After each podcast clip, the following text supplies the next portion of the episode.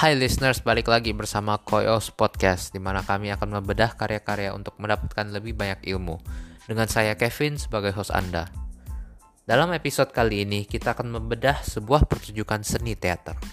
Nah, sebelum kita mulai, apa sih teater itu? Menurut KBBI, teater adalah gedung atau ruangan tempat pertunjukan film, sandiwara, dan sebagainya. Nah, secara singkatnya, seni teater merupakan pertunjukan sandiwara langsung dalam sebuah tempat.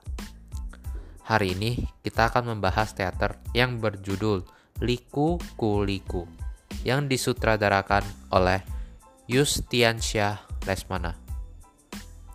Singkat cerita, terdapat lima pekerja bangunan yang berusaha membangun rumah meski mereka tidak memiliki denah.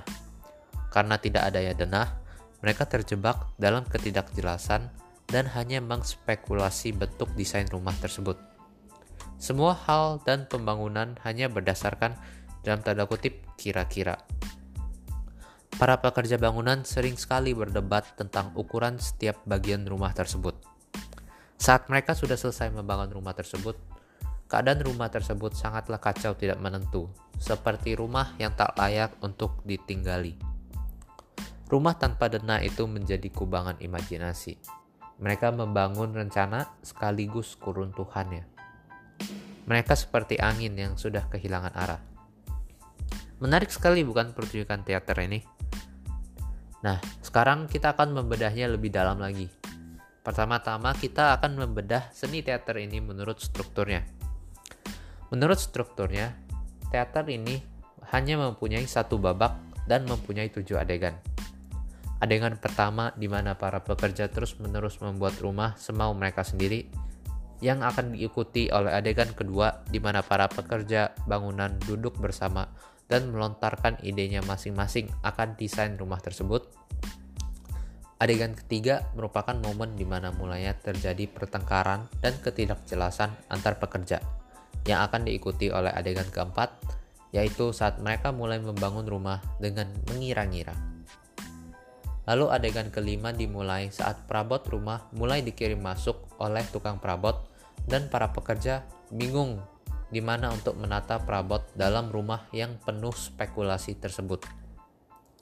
Adegan keenam merupakan adegan saat polisi datang dan menaruh polis lain di sekitar rumah, yang berarti rumah tersebut tidak layak untuk dihuni. Dan adegan terakhir atau adegan ketujuh merupakan adegan di mana para pekerja saling menyalahkan satu dengan yang lain karena kegagalan mereka membangun rumah tersebut. Struktur lain dari seni teater ini adalah ia mengandung banyak banyak dialog singkat dan tidak mempunyai prolog dan epilog. Nah, sekarang kita akan membedah seni teater ini melalui kaidah kebahasaannya. Kaidah kebahasaan yang digunakan menggunakan kata-kata sifat, contohnya luas dan sempit. Mereka juga menggunakan kata kerja tentang apa yang dipikirkan tokoh, misalnya membuat. Juga terdapat kata-kata seperti kata-kata tanya seperti di mana. Meskipun mereka terdengar kasar, bahasa yang mereka gunakan sebenarnya cukup baku untuk digunakan dan dipamerkan sebagai seni teater. Nah, sekian pembedahan dari seni teater kali ini. Gimana guys? Apakah kalian tertarik untuk menonton seni teater? Atau bahkan kalian tertarik untuk bermain seni teater? Jangan lupa untuk komen di sosial media kami apa topik yang harus kami bahas selanjutnya. Saya Kevin sebagai host kalian hari ini mengucapkan perpisahan.